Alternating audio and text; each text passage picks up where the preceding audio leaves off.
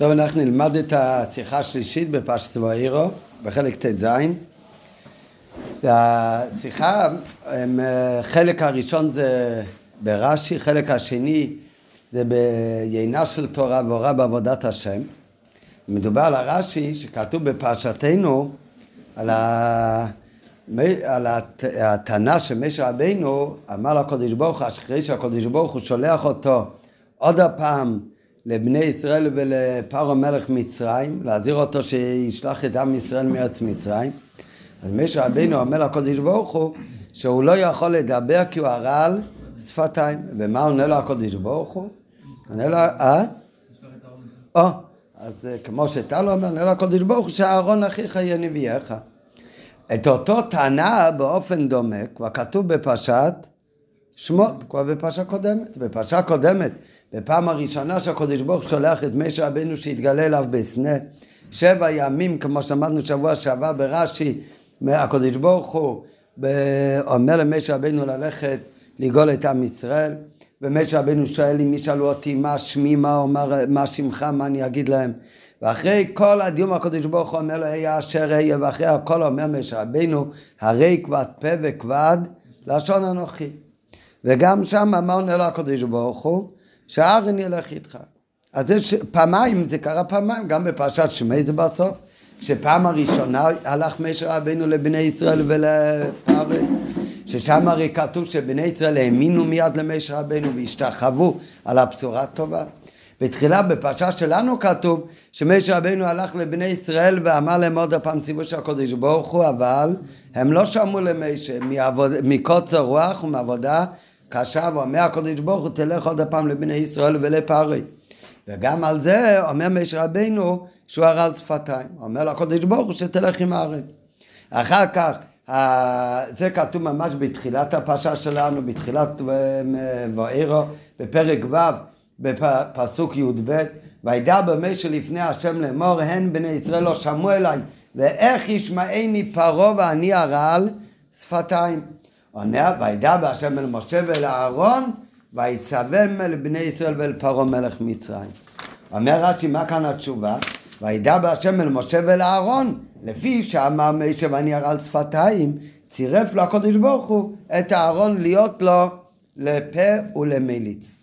אז אחר כך התורה מתחילה לייחס את כל שבט ראובן, שמן עד שבט לוי. אומר רש"י הכל כדי להגיע לייחוד של משה וארן. אז שמה מיד אחרי שמייחס את משה וארן הוא משה וארן, אז עוד הפעם, וידע בהשם אל משה להם אני השם דבר פרעה מלך מצרים את כל אשר אני דובר אליך. עוד הפעם אומר הקדוש ברוך הוא למשה רבינו, רש"י אומר זה אותו דיבור כמו שכתוב בתחילת הפרשה. רק מה, בתחילת הפרשה הוא הפסיק את העניין כדי לייחס מראובן שמן לוי עד משה וארן. אבל זה אותו דיבור עוד הפעם. ויום המשה לפני השם, הן אני הרעל שפתיים ואיך ישמע אליי פרעה. אומר לה הקדוש ברוך הוא ויום השם אל משה, ראה נתתיך אלוקים לפרעה ואהרון אחיך יהיה נביאך. אז אומר, אתה תהיה אלוקים לפרעה ואהרון אחיך יהיה נביאך.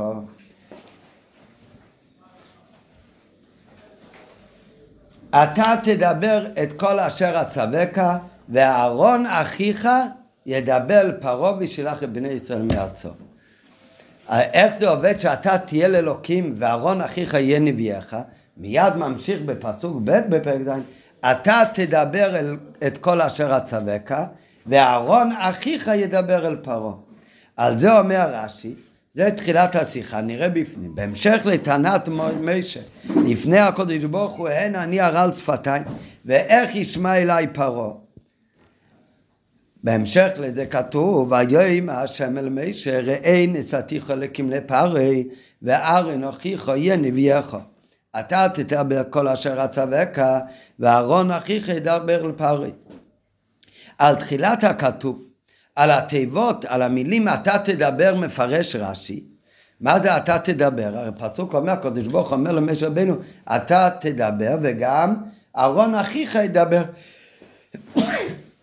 אהרון אחיך ידבר אל פרעה, אז מי דיבר אל פרעה? מישהו אהרון. אז אומר רש"י ככה, אתה תדבר פעם אחת כל שליחות ושליחות כפי ששמעת מפי. דבר ראשון, אתה, מי זה אתה? משה רבינו, אתה דבר ראשון תדבר, כל שליחות ושליחות שאני אומר לך להגיד לפארי, אתה תגיד את זה בדיוק כמו ששמעת מפי, מפי של השם. אחר כך, ואהרון אחיך ימליצנו ויתימנו באוזני פרעה. אחרי שאתה תגיד כל דיבור פעם אחת לפני פרעה, ארן הוא כבר יסביר וימליץ את זה לפני פרעה, עד שייכנס לאוזני פרעה, באוזני פרעה. והיינו, רש"י בא להגיד כאן איך עבד הסדר שמשה וארן דיברו לפני פרעה. שהרי משה רבינו אמר שהוא לא רוצה לדבר, הוא על שפתיים. אומר לקדוש ברוך הוא, אהרון אחיך יהיה נביאך. מצד שני, בפסוק מיד אחר כך כתוב שהקדוש ברוך הוא אומר למשה, אתה תדבר לפרעה, ואהרון אחיך ידבר באוזני פרעה. אז מי, מי בסוף דיבר לפרעה? משה או אהרון? אז על זה מסביר רש"י, ששם דיברו, כמו שכתוב, אתה תדבר את כל אשר אצווקה. אומר רש"י, למי אתה תדבר כל אשר אצווקה? לאהרון? לא. אתה תדבר ככל אשר אני מצווה אותך, למי? לפרעה. רק אומר רש"י, רק פעם אחת. איך אתה תדבר לפרעה? כמו ששמעת מפי. אחרי שאתה אומר לפרעה, כמו ששמעת מפי הגבורה, אחר כך אהרון אחיך ידבר לפרעה, ארן הוא כבר ימליץ ויסביר מה שאתה אומר עוד הפעם לפרעה. כמו לשון הקודש בשפה אחרת. נראה. ולמה כמו? אולי ממש. נראה, נראה בהמשך. ש... מה רש"י בא להגיד כאן? יש מפרשים שאומרים איך עבד הדיבור לפני פרק. הרי הוא, משה רבנו המניח על שפתיים, אומר לקדוש ברוך הוא, אהרון אחיך נביאך, הוא יעביר את הדיבור, נביא את זה מלשון ניב שפתיים, מלשון דיבור, אהרון ידבר במקומך, אבל אחר כך כתוב, אתה תדבר את כל אשר אצווקה. יש מפרשים שאומרים, שמה הפירוש? אתה תדבר כל אשר אצווקה למי? לא, יש מפרשים שאומרים, אתה אומר לארן. והארן אחר כך, הוא מדבר ברור, יגיד את זה לפרי. את זה רש"י בא לשלול.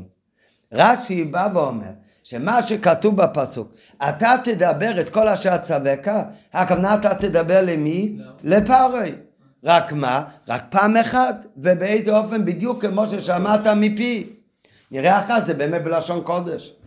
אחר כך, וארן הוכיח ידבר אל פרי, זה כבר פעם שנייה, אחרי שאתה מדבר אל פרי, גם ארן ידבר אליו. איך ארן ידבר אליו? הוא כבר ימליץ את זה באוזני פרעה. הוא ירחיב את הדיבור, הוא יסביר לו. לכן הוא אומר באוזני פרי, נראה אחר כך, כמו שכתוב, למדנו כבר, ייכנסו דבריי באוזנך, בעוד, הכוונה לא רק בגשמיות שישמע, אלא שיקלוט, שיבין על מה מדובר. זה רק על זה שימליץ את זה בשבילו. אה? על דרך שלמדנו לי, והיינו, שרש"י נקל בכוונת הפסוק, שאתה תדבר וארן אחיך ידבר פרי, אין פירושו שמי שידבר רק לארן, וארן לבדו ידבר פרי. על דרך שלמדנו לי בפרשת שמות, שלאחר שתן מי שכבד פה וכבד לשון אנוכי. בפרשה הקודמת, אחרי שמי שאמר עוד טענה דומה, אצלנו כתוב שהוא אמר רל שפתיים אנוכי. בפרשה הקודמת כתוב שמשה רבינו אמר כבד פה וכבד לשון אנוכי ולכן הוא אמר, ביקש מהקודש ברוך הוא שלחנו ביד תשלח, אמר לו הקודש ברוך הוא ודיברת אליו אבל בפרשה הקודמת באמת מה ענה הקודש ברוך הוא למשה רבינו? אתה תדבר אליו, מי זה אליו? לאהרון ומי ידבר לכל עם ישראל? שם לא מדובר על פר אלא לעם ישראל ומי מדבר לכל עם ישראל? אהרון רק ושם כתוב במפורש, אמר לו הקדוש ברוך הוא, ודיברת אליו, לשון יחיד זה לארן, ודיבר הוא לך אל העם. והוא ארן במקומך ידבר לכל עם ישראל. אז זה מה שרש"י בא להגיד, שמה שכתוב בפרשתנו, תשובה דומה לעניין דיבור לא לבני ישראל, אלא לעניין דיבור לפרעה, זה לא היה ככה. אצל פרעה זה לא היה מי שאמר לארן, וארן אמר לפרעה. אלא אצל פרי, מי שדיבר לפרי זה היה משה בעצמו. אלא שגם משה ידבר לפרעה. והחילוק אם ככה, למה צריך פעמיים? אז מה החילוק בין הדיבור שמשה מדבר אל פרעה או שארן מדבר אל פרעה? החילוק הוא בכל הדברים שרש"י מדגיש. אתה תדבר לפרעה פעם אחת, רק פעם אחת. ואיך אתה מדבר אליו? בדיוק כמו ששמעת מפי, מאת השם. ארן, הוא כבר ימליץ את זה באוזני פרעה. איך הוא ימליץ את זה באוזני פרעה? עד שזה ייכנס לו לראש. אז הוא יכול לדבר כמה פעמים, הוא יכול לדבר את זה בשפה שלו, במילים שלו, הוא לא צריך להיות כפוף בדיוק רק פעם אחת וכמו שהוא שמע מפיו, אבל שתיהם דיברו לפני פערים. בנוגע לפרשה הקודמת, שמדובר איך שהקודש ברוך אמר למשה רבנו שדבר לעם ישראל אחרי התנא כבר פה וכבד לשון. אז שמה באמת משה דיבר לארן, וארן הוא זה שדיבר לכל בני ישראל. לעומת זאת, מה שכתוב בפרשתנו לעניין פרוי, כאן הצד היה שונה. גם אתה תדבר הכוונה לפרוי כל אשר אצווקה. רק זה פעם אחת כפי ששמעת מפי, ואחר כך וארן הוכיחו ידבר באוזני פרוי, הוא ימליץ את זה באוזני פרוי. ועל ארן הוטל להיות המליץ ומתאים את דיבורו של משה באוזני פרעה עד שישפיע עליו שבשילח בני ישראל מארצו. ולכן באמת מוסיף רש"י, בנוגע לארן, כשארן ידבר לפרעה ויתימנו באוזני פרעה, מה ידגשה באוזני פרעה? זה הרי בפסוק כתוב רק אל פרעה סתם, המילה באוזני זה כאילו תוספת של רש"י. אלא רש"י בזה רוצה להדגיש שהכוונה כאן באוזני זה כמו שבפרשת ויגש כתוב באוזני. בתחילת פרשת ויגש כתוב דבר באוזני באוזני אדוני, כנא ייכנסו דבריי באוזניך. זה מלשון לא רק שמיעה בגשמיות, אלא זה ייקלט בו, הבנה כמו שאומר ישראל. זאת אומרת, משה רבנו הוא דיבר, זה לאו דווקא היה באוזני פרעה. כמובן, זה היה באוזן גשמית של פרעה, הוא שמע. אבל לאו דווקא שאיך שמשה רבנו דיבר, זה באמת נקלט אצלו. מה הכוונה, איפה היה ייכנסו דבריי באוזנך? זה היה על ידי שאהרון שהוא ימליץ ויתאים את זה לפי ערכו של פרעה. נראה בהמשך השיחה באמת במה זה היה שונה. אני אגיד משהו. כן. אנחנו יודעים את הסיפור עם אה, יוסף הצדיק שהגיע למצרים ושפרעה אה, לא ידע את אה, לשון הקודש. נכון. נראה בהמשך, נכון.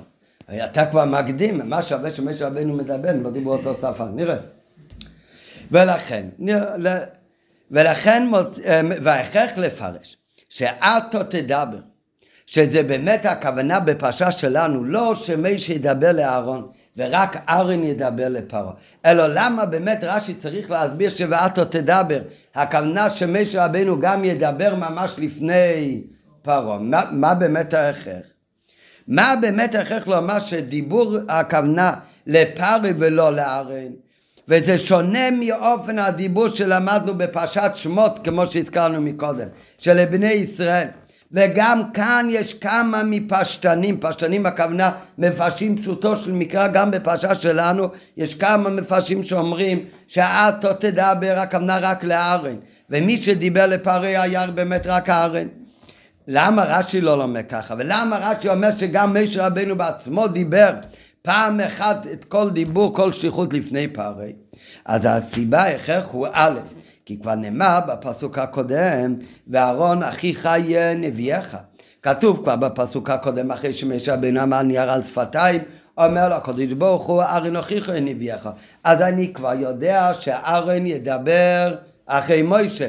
אז למה כתוב עוד פעם, ואתה תדבר את כל אשר אצווקה?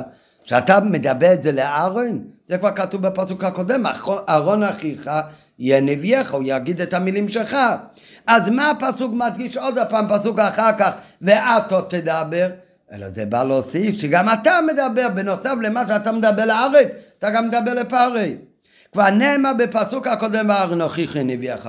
אז למה לא לכתוב ולחזור על כך בשנית, אתה תדבר ואהרון ידבר, אלא זה בא להדגיש ששתיכם צריכים לדבר לפני פרעה. ב' בפירוש לעיל נאמר הם במפורש כתוב מקודם, הם המדברים אל פרעה. היינו שגם משה דיבר אל פרעה. בפסוק אמרנו מקודם, שהתחילה פרשת ואירו מייחסים את ראובן שמעון עד לוי ושבט לוי עד האחים עמרו כולל הבנים שלהם עד למשה וארן. הכתוב בפסוק הוא ארן ומשה המשפחות האלה ויצא ממנו ארן ומשה אומר הפסוק הוא אהרון ומשה זה אותם אהרון ומשה אשר אמר השם להם הוציאו את בני ישראל מארץ מצרים על צבאותם הם המדברים אל פרעה מה זה הם המדברים אל פרעה? הם, הם מדברים אל פרעה אז, אז מי דיבר אל פרעה? שניהם גם משה וגם ארן אז אי אפשר להגיד אחר כך, ואתו תדבר, הכוונה משה רבנו ידבר, אבל לא לפרעה, אלא רק לארן, ומי מדבר אל פרעה? רק ארן. כי אז יוצא שרק אחד דיבר אל פרעה, בפסוק כתוב, היי מה מדברים אל פרעה. אז זה ההכרח להגיד שבאמת שתיהם דיברו לפני פרעה, רק כל אחד באופן אחר. משה רבנו דיבר פעם אחת כמו שהוא שמע מפיו של השם, וארן הוא המליץ ודיבר באופן כזה שייכנסו באוזני פרעה. ולכן נקט רש"י שהפסוק אתה תדבר בה לומר שאף מי שידבר אל פרעה אבל דיבורו היה רק פעם אחת, יהיה רק פעם אחת והאר אינו חיכו הוא ימליצנו ויתימנו וכולי. טוב, עד כאן זה פשוט, למדנו עכשיו את הפירוש הפשוט של רש"י, מה רש"י בא לשלול ומה ההכרח של הפירוש של רש"י, שבאמת גם משה וגם אהרן שתיהם דיברו לפני פרי, ולא כמו בפרשת שמות שדיברו לבני ישראל, שם מי דיבר לבני ישראל? רק אהרן. רק מי אמר לאהרן מה להגיד? זה היה משה, כך כתוב בפרשת שמות. האמת שבסוף פרשת שמות נראה עוד מעט, היה דיבור לא רק לבני ישראל, שהשם פקוד יפקוד אתכם, אלא בסוף הפרשה ממש היה גם דיבור לפרוי. ואז פרוי עוד הוסיף עליהם עבודה עוד יותר קשה. איך היה שם הדיבור? אז שם גם היה, גם משה וגם ארן. נראה עוד רגע. כך כתוב, נראה עוד רגע, זה מפורש בסוף פרשת שמות. בנגיע ללכת לעם ישראל, אומר הקודש ברוך הוא, ודיבר הוא לך אל העם. מה הכוונה, מי ידבר לעם ישראל? הוא, רק ארן, לא אתה. אתה רק תגיד לארן מה להגיד. שהבן אמר כבר קבעת לשון. אבל אחר כך, כשהוא לא דיבר לבני ישראל, אלא ויאמר אלוקי העברים נקרא, ואחר כך, אחרי שדיברו לעם ישראל, ויאמן העם וישמעו כי פקד השם מבני ישראל, ויגדו וישתחוו, ישתחוו בני ישראל. אחר כך, בסוף פרשת שמות, באחרי שבי, ממשיכה התורה מספרת, ואחר, אחרי שדיברו לבני ישראל, בני ישראל השתחוו, אחר כך באו מוישה וארן, ויאמרו אל פרעה, כה אמר השם אלוקי ישראל שלח עמי ויחגו לי במדבר. שם איך כתוב? ויאמר אל פרעה ויאמרו אל פרעה. ויאמרו. אז גם שם אנחנו כבר רואים לכאורה שלפרעה לא רק ארן דיבר לו גם מוישה. רק איפה זה כתוב במפורש מה הסדר? זה בפרשה שלנו. בפעם שנייה שהם הלכו לדבר פרי. כאן כבר כתוב שמשה רבינו עוד הפעם ממש הוא לא רוצה ללכת. למה? כאן נראה עוד רגע אותו טענה באופן כללי. לא אמר כבד פה וכבד לשון, אלא כמה הוא אמר, אני הרע על שפתיים. אומר לו הקודש ברוך הוא, ארן הוכיחו יהיה נביאך, אתה תדבר וארן הוכיחו נביאך, ואומר הפסוק עוד הפעם, אתה תדבר כל אשר צווקו, וארן הוכיחו ידבר אל. מה זה? אלא מה הפסוק בא להגיד? אומר רש"י, שבאמת לפני פרי, אז באמת הסדר דיבור היה שגם משה דיבר וגם ארן דיבר. אלא מה? משה, אולי בגלל שהוא לא דיבר ברור, נראה עוד רגע, משה דיבר פעם אחת כל שליחות ושליחות. זה הלשון ברש"י. וארן, הוא ימליץ את זה ויתאים את זה באוזני פרעה. אבל צורך לא הובי. לעיל בפרשת שמות מסופר, שלאחר שאספו משה וארן את זקני ישראל, אז בנוגע לבני ישראל אמרנו לפני רגע באמת מי דיבר אליהם? הוא יהיה לך לפה. אבל בסוף הפרשה כשאספו את הזקני ישראל והגיעו לדבר על פרי בסוף הזקנים הרי לא, לא הגיעו עד לפרי פחדו בדרך והם נשמטו אחד אחד. בסוף הלכה שיירה של שבעים ושתיים, שבעים זקנים במי שבארן כשנכנסו לארמון, כבר מי היה שם? רק משה ואהרן. אז שם אבל כתוב, באו משה ואהרן ויאמרו אל פרי, ויאמרו אלוקי העברים, דיבר אלינו. כל הדיבור שם אל פרי תמיד כתוב ויאמרו לשון רבים. אז זאת אומרת, כבר בפרשה קודמת, כבר בסוף פרשת שמות אני יודע שהדיבור לפרי לא היה רק על ידי ארן, אלא גם על ידי משה. ומזה, מזה מובן שגם שם נאמר הדבר בלשון רבים מוכרח, שגם אז כבר דיברו שניהם אל פרי. בפרט שהפסוק שמה משנה מלשונו לעיל, כי בנוגע לעם ישראל והדיבור אל כל זקני בני ישראל כתוב וידבר ארן, לא כתוב וידברו לשון רבים, כתוב וידבר ארן אשר דיבר השם אל מוישה. ארן אמר לזקנים מה שהשם דיבר למוישה, מאיפה ידע ארן? מוישה אמר לארן.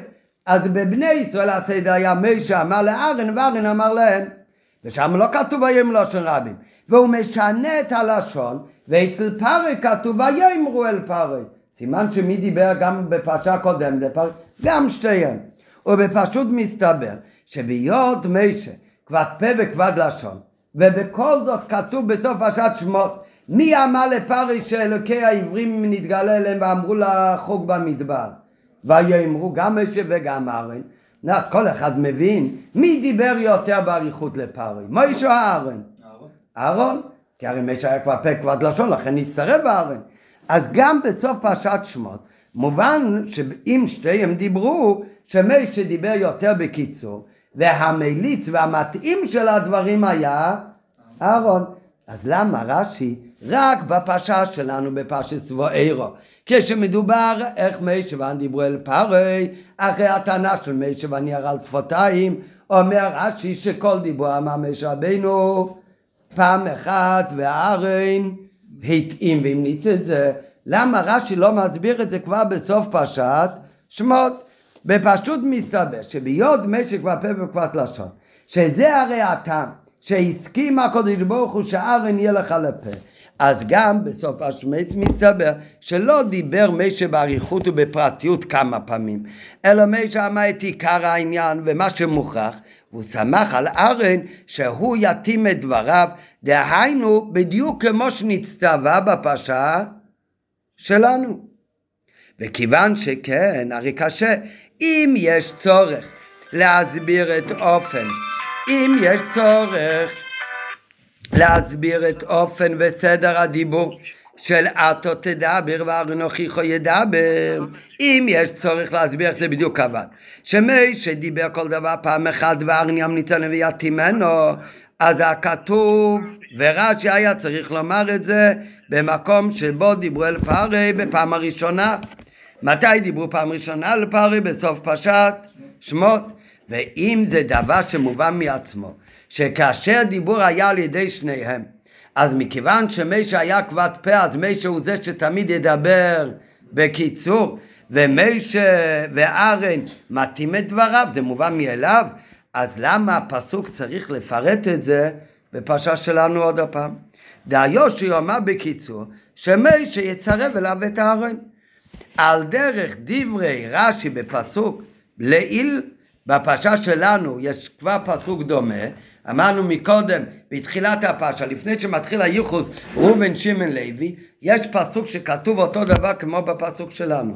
כתוב שמי שאמר ואני הרל שפתיים, רש"י הרי אומר שזה אותו דו שיח, רק הפסוק חוזר על זה עוד הפעם כי באמצע הוא הפסיק בעניין. רק שם איך כתוב, וידע באמת שלפני השם לומר איך ישמעני פרעה, הרי אני רואה על שפתיים, וידע בהשם אל מישה ואל ארן ויצווהם אל בני ישראל ואל פרעה מלך מצרים. אומר רש"י, זה כבר התשובה, שאתה לא הולך לבד אלא עם ארן. והפסוק לא מעריך ואומר, ואתה תדבר כל אשר צווק, אבל הוא ידבר, כתוב אתם תדברו. מי ידבר בקיצור, מי ידבר באריכות? ופשוט מובן מאליו.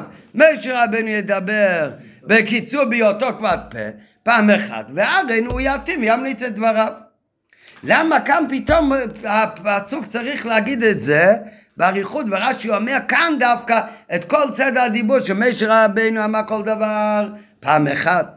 וגם הפעם אחת זה כפי ששמעת מפי, וארן הוא ימליץ ויתאים את הדבר באוזני פרעה. ובסוף פרשת שמות בכלל לא אומר.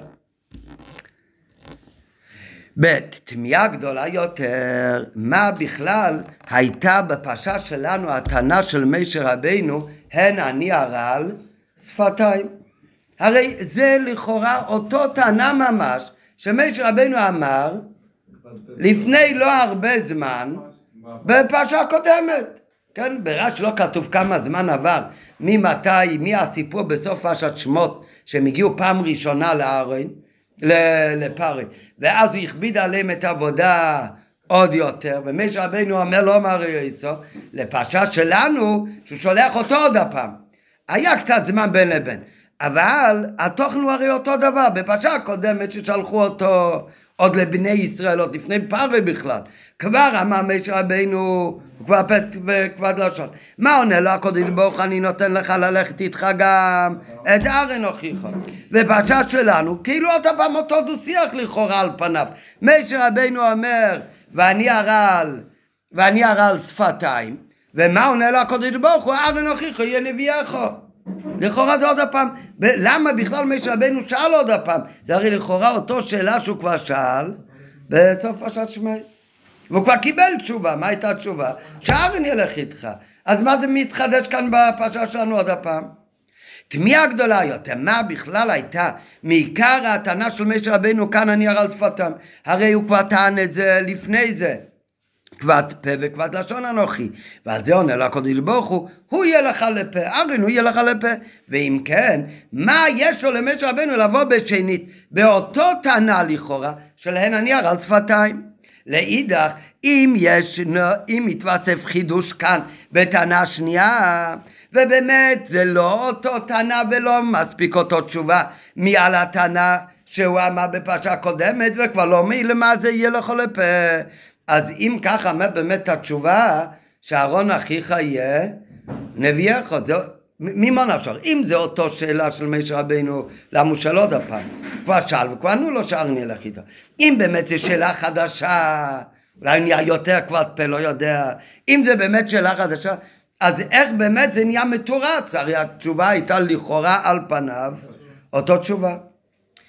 ג' יש מפורשים שתרצו על השאלה השנייה, על מה שהרגע שאלנו, יש כאלו שאומרים שבהתחלה, מה שמדובר בפרשת שמות, שם באמת עיקר היה הדיבור אודות הציווי ללכת לדבר אל העם, אל בני ישראל. בפרשת שמות. נכון, אנחנו אמרנו כבר מקודם, בסוף פרשת שמות, אחרי שביעי, כתוב גם שהם דיברו לפארי, ושם באמת כתוב ויאמרו לשון רבים. אבל בהתחלה, בהתחלה, אחרי השבע ימים שהקדוש ברוך הוא התגלה למשה רבנו בסנה, הוא אומר לו ללכת לגאול את עם ישראל. משה רבנו שואל מה השם של הקדוש ברוך הוא, איה שאיה. ומה אני אעשה להם מופתים? הקדוש ברוך הוא אומר לו מופתים. אחרי הכל, אחרי שהוא קיבל את כל הגילי אלוקות שהוא יכול לקבל, הוא אומר, כבד פה וכבד פה אנוכי שלח נו ביד תשלח. אבל שם היה מדובר על הדיבור אל העם. הרי משה רבינו אמר, הם לא יאמינו בי. אם הם ישאלו אותי מה שמי מה הוא אמר עליהם, כל הזמן מדובר על בני ישראל. אומר הקודש ברוך הוא, הוא יהיה לכל לפה. מי זה הוא יהיה לכל לפה? ארן.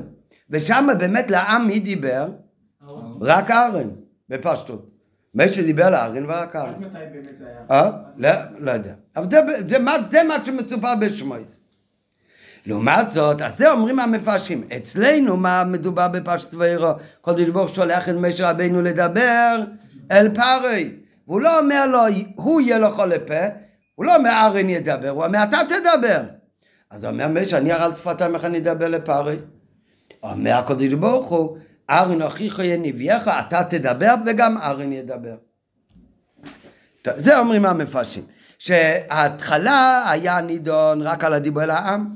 כהדגשת הפסוק שם, ודיברו הוא לכל וכאן בפרשה שלנו נתחדשה שליחות הדיבור גם לפרי, ולכן טען כמה ששוב אני ארע על שפתיים. והקדוש ברוך הוא עונה לו, גם בשליחות לפרי כמו לבני ישראל, ארן גם ילך איתך, וארן הוכיח יהיה נביאך. אף על פי שאצל ארן כבר היינו מקודם, סליחה, שאצל פרי כבר היינו מקודם, גם מוישה ידבר. אבל גם ארן.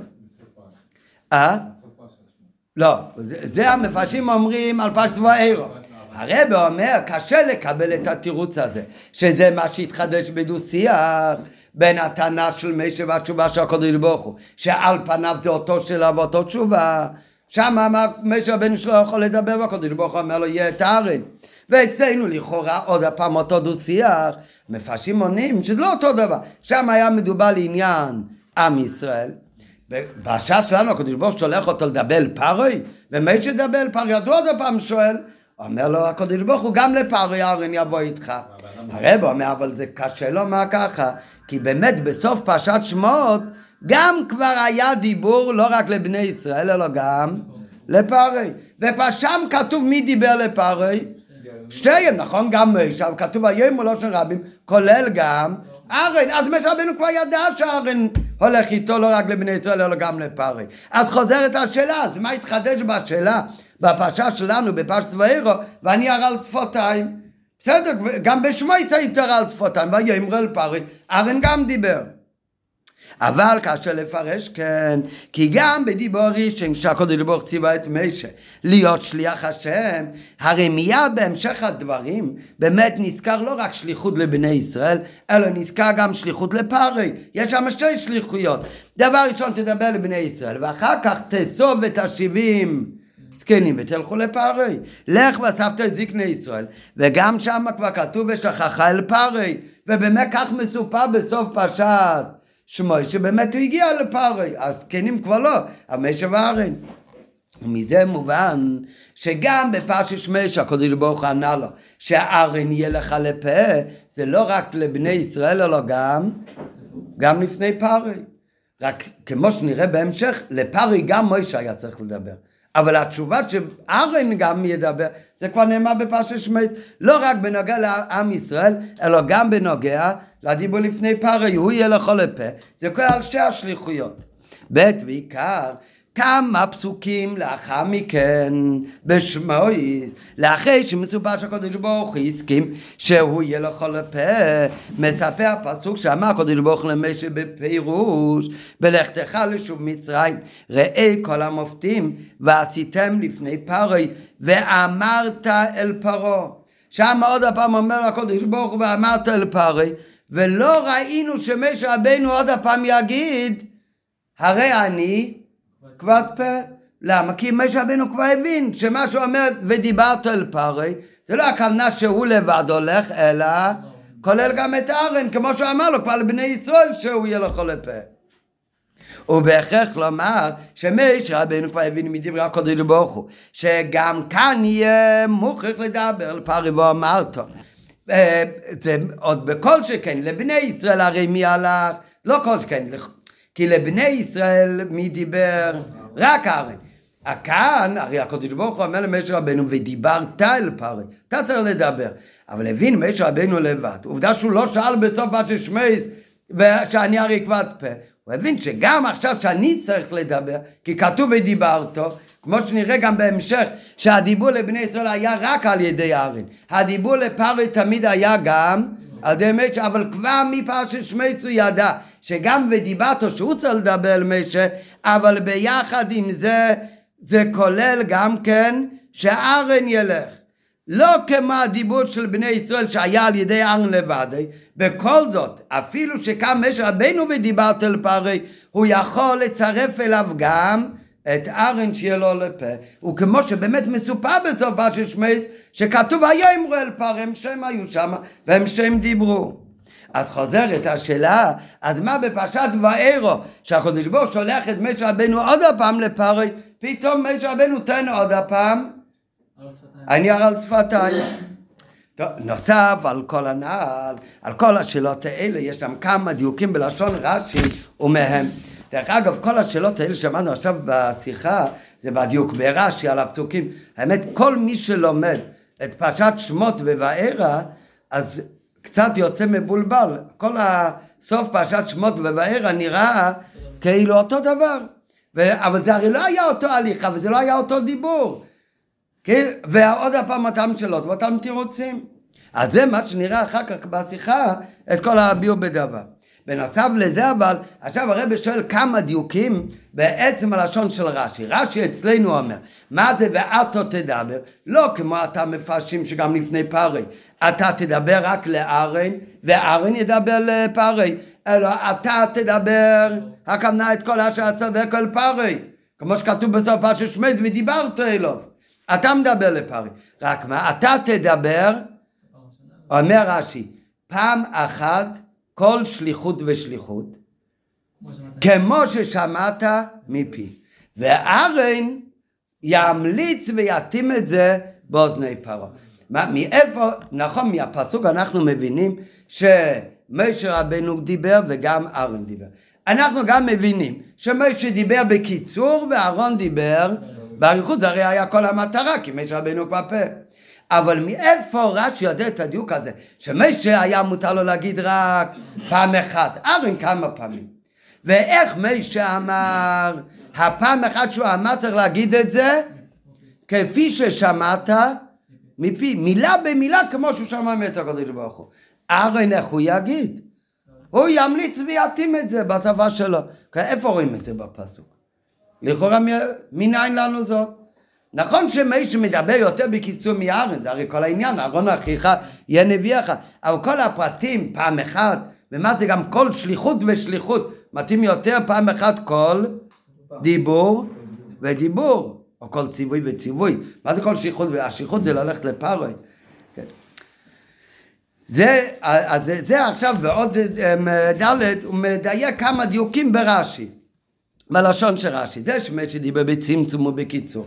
וארין העריך והתאים את הדברים, זה מובן. אבל מה ההכרח לומר שמש שדיבר דווקא פעם אחת לבד ולא יותר? ב' מהו דיוק לשון פעם אחת כל שליחות ושליחות, ולא בלשון כל ציווי וציווי שלכאורה מתאימה יותר לענייננו בהתאם ללשון הפסוק את כל אשר אצווקה, תדבר כל אשר אצווקה מלשון ציווי, כן. לא את כל אשר אשלחך. אבל זה, אבל זה גם כאילו אומר, תגיד את מה שאני אומר לך. ש, שיהיה כתוב פעם אחת כל דיבור, או פעם אחת כל ציווי, אבל מה, לא מתאים כל כך הלשון, ת, תגיד פעם אחת כל שליחות. ג' כל שליחות ושליחות כפי ששמעת מפי. לכאורה זה מיותר, מה חשבנו שיגיד דברים אחרים? לכאורה זה איתו לשון, מי שיגיד לפרי דברים שהוא לא שמע מפי הקודש ברוך הוא. למה צריך להגיד כל שליחות ושליחות כפי ששמעת מפי ולא, ושלא יגיד דברים אחרים? אלא מה מוכרחים להגיד שיש כאן דיוק. זה לא רק שלא יגיד דברים אחרים, גם את אותו דבר הוא צריך להגיד באותו לשון. כבר חידוש הרבה יותר גדול. לא רק שיגיד פעם אחת מה ששמע מאת השם, אלא כפי ששמעת מפי, מה זה כפי ששמעת מפי? לא שלא ישנה, פשיטא שמשה רבנו לא ישנה. נראה הביאור זה שהוא צריך להגיד את זה באותו אופן ובאותו לשון, מילה במילה. זה חידוש גדול. למה זה חידוש? נראה בהמשך. כי בפשוט, כמו שישראל אמר, פרי לא הבין בכלל לשון הקודש. והקודש ברוך הוא דיבר למשה רבנו בלשון הקדש. נו, אז אם ככה, אז מה, תדבר כל דיבור ודיבור כפי ששמעת מפי. אז זה החידוש כאן, זה רק פעם אחת, ואיך? לא שלא ישנה, פשיטי כמו ששמעת. ההדגשה זה כמו ששמעת באותו אופן, באותם מילים, באותם אותיות ובאותו לשון. וזה באמת דבר חידוש. לכאורה צריך לדבר איתו בשפה שהוא מבין. ד', מהו הכפל לשון? ימליצנה ויתימנה. מה היה התפקיד של ארן? ארן ידבר יותר באריכות, אומר רש"י שהוא ימליץ ויתאים את הדברים. כן? לכאורה זה כפל לשון, כי מה זה הימליץ? ימליץ הכוונה, הוא מסביר לו, מה זה יתאים? הוא נותן לו טעם בעניין, הכוונה גם כן מסביר לו. מוכרים לו מה שימליץ ויתאים כאן, זה שתי דברים שונים. כך באמת נלמד בהמשך. שלהתאים כאן הכוונה להסביר, ולהמליץ כאן הכוונה, איפה היה לנו המליץ כבר בפסוק? באיזה פרשה? אה? אה? נכון, נכון, אחד מהבנים של יצב היה מליץ בין בני יעקב לבין השבטים לבין יצב, למה? לפני שיצב יתגלה, הם הרי לא ידעו שזה יצב. אז כי הוא לא אמור לדבר בכלל לשון הקודש, והאחים הם דיברו לשון הקודש. ביניהם הם דיברו לא בלושן הקדש, הם לא חשבו שיצב מבין למה. אומר הפסוק כי המליץ בין אותם. אומר רש"י מה זה המליץ? מתורגמן. אז גם כאן ארן יהיה המליץ והמתאים, נראה בהמשך, אז זה שתי דברים. הוא, ית... הוא צריך קודם לתרגם. כי באמת משה רבנו דיבר כפי ששמע מפי הגבורה בלושן הקדש. טוב, אני כבר מגלה חלק מההסבר. ובנוסף לזה, ארן הוא לא רק ידבר בשפה ש... שמבין, אלא גם יתאים את זה, שייכנס באוזנו. אז זה, עוד יותר מראה לנו, אבל שמשה רבנו באמת דיבר, גם הוא דיבר לפני פר, אבל זה היה באותו אופן, ממש כמו ששמע מפי השם. אז מה זה, לכאורה מה זה נותן? הרי פרי לא הבין לשון קודש. כן, חבר, אולי זה עניין רוחני, אבל... ואביר בזה. אבל אנחנו עדיין צריכים לת... לענות את, אה, את כל הקושי שבכלל, מה כל הדו-שיח של משה רבנו כאן בפרשת ואירון, נתעורר עוד פעם להגיד, ואני על שפתיים, זה הרי אותו שאלה הוא כבר שאל בפרשת שמות, וכמו שהוכחנו, שגם שם מדובר גם על הליכה לבני ישראל וגם על הליכה לפרי. ולכאורה גם התשובה זה אותו תשובה, שם אומר הקודש ברוך הוא ארן הוא יהיה לכל לפה, וגם אצלנו אומר ארן הוכיחו יהיה נביא איכו. לוי אות בשיחה. ואביר בזה יובן. בהקדם הסבר השינוי בטענת משה כאן מהטענה הקודמת בפרשת שמות. הרי לא יכול להיות ששאל עוד פעם אותו דבר והיה אותו תשובה. אז אנחנו צריכים לחפש השוני במילים עצמם. מה המילים שהוא טען בפרשת שמייס? כבד פה וכבד לשון. מה זה כבד פה וכבד לשון? מה הפירוש המילולי? שקשה לו, לדבר. או, הוא יכול לדבר, אבל זה בכבדות, כמו מסע כבד. זה כבד, זה קשה לדבר. לא שלא יכול לדבר, כבד פה וכבד לשון. הוא מדבר בכבדות. מה זה ערל שפתיים? מה זה ערל? ערל, מה זה הלשון, התרגום של המילה? סגור, אטום. אם הוא ערל שפתיים, הפה הוא סתום, אז מה הפירוש? כבד לו לדבר, קשה לו לדבר שהוא לא יכול לדבר. הוא לא יכול לדבר. בפרשה הקודמת משה רבינו אמר לפני הקודש ברוך הוא שהוא כבד פה וכבד לשון. זאת אומרת, משה רבינו באותו זמן חשב שהוא יכול לדבר, רק זה קשה לו לדבר. אומר לקודש ברוך הוא שאל נלך איתך. בפרשה שלנו התברר למשה רבינו שהוא לא כבד פה, שלא קשה לו לדבר, אלא המצב הוא הרבה יותר גרוע, הוא הרל שפתיים.